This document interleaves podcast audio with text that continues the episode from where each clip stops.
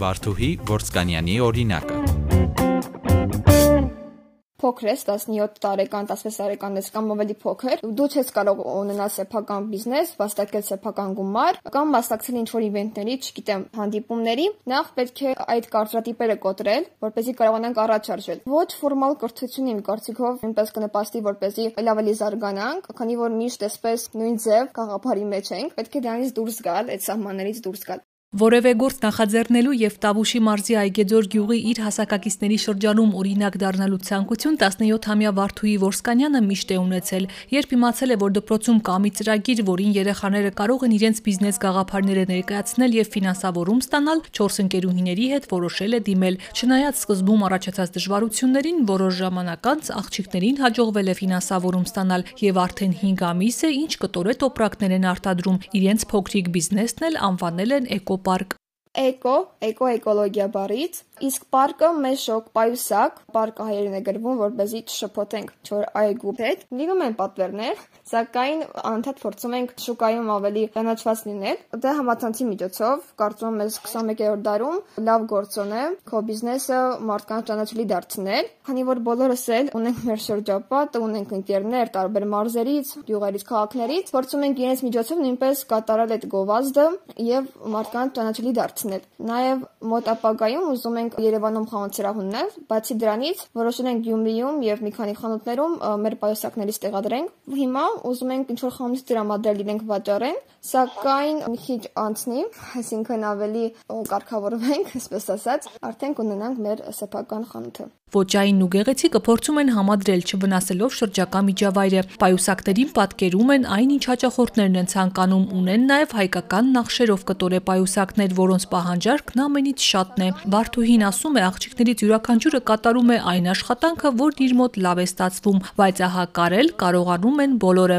Մեր նանեն ինքը հաշվապահություն զբաղվում ֆինանսով, այսինքն ծախսեր եկամուտ։ Լիլիթը, ով համացանցից լավ է, այսինքն ակտիվ է համացանցում, ինքը SMM չիկն է մեր։ Փիրուզի Գրիգորյան մեր դիզայներն է, այսինքն պայուսակների վրա ինչ պետք է նկարվի, ինչ չպետք է նկարվի, նաև կապ է հաստատում հաճախորդի հետ, որպեսզի ավելի լավ հասկանանք հաճախորդը ինչ է ցանկանում։ Ես գրաֆիկ դիզայներն եմ, ինչ որ մարքեթինգի պատասխանատուն։ Առհասարակ այդպիսի գրվածքներ այդքան այս պայն չեն պատվիրում, ավելի շատ նկարներով եւ հայկական կարպետներով։ Մշակութամետը ունի մի խմբակ, կարպետագործության խմբակ, որի սաները մեր համար կարպետներ են գործում։ Փորձում ենք համագործակցել իրենց հետ եւ ստացվում է։ Մեծ փոքրիկ կարպետներ են տրամադրում, մենք դրանք մեր պայուսակների վրա ենք ամրացնում եւ այդպես դրանք հիմա շատ են սիրվել մեր հաճախորդների կողմից։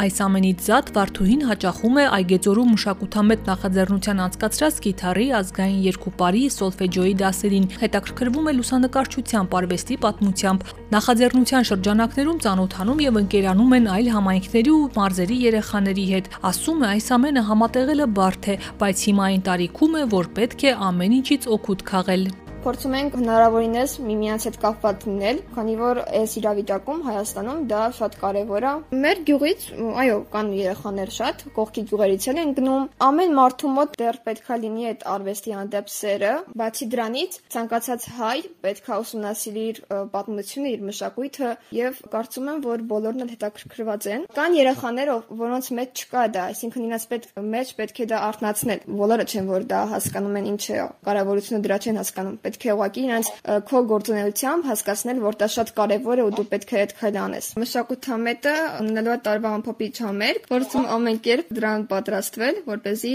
լավ ձևով հանդես գալ հանդիսատեսին մարդկանց։ Գիտարով մենք ունենք բենդ ընկերներով, այսինքն մեկը դաշնամուր է նվագում, մեկը կանոն, գիտար, դհոլ։ Մի երգ ենք մշակել դա ներկայացնելու եւ ազգային պար հետագայում դեռևս չգիտեմ էլ ինչ էր։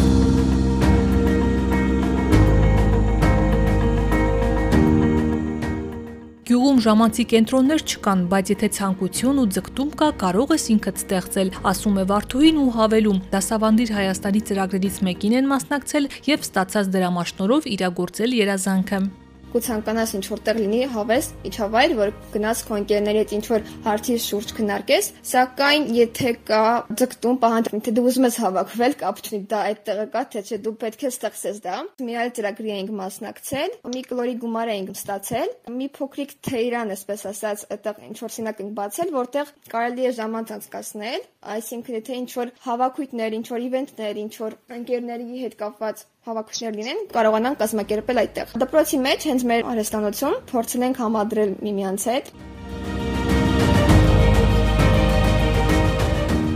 Հասակակիցները ողջևորվում են տեսնելով Վարդու հաջողությունները։ Իրենք էլ են փորձում տարբեր ծրագրերում ներգրավել, ակտիվ լինել։ Հիմա էլ երիտասարդ աղջիկը տարբեր գաղափարներ ունի, բայց ավելի շատ պետք է կենտրոնանա դասերի եւ ընդունելության քննությունների վրա։ Մտադիր է ընդունվել Երևանի պետական բժշկական համալսարան, ցանկանում է վիրաբույժ դառնալ։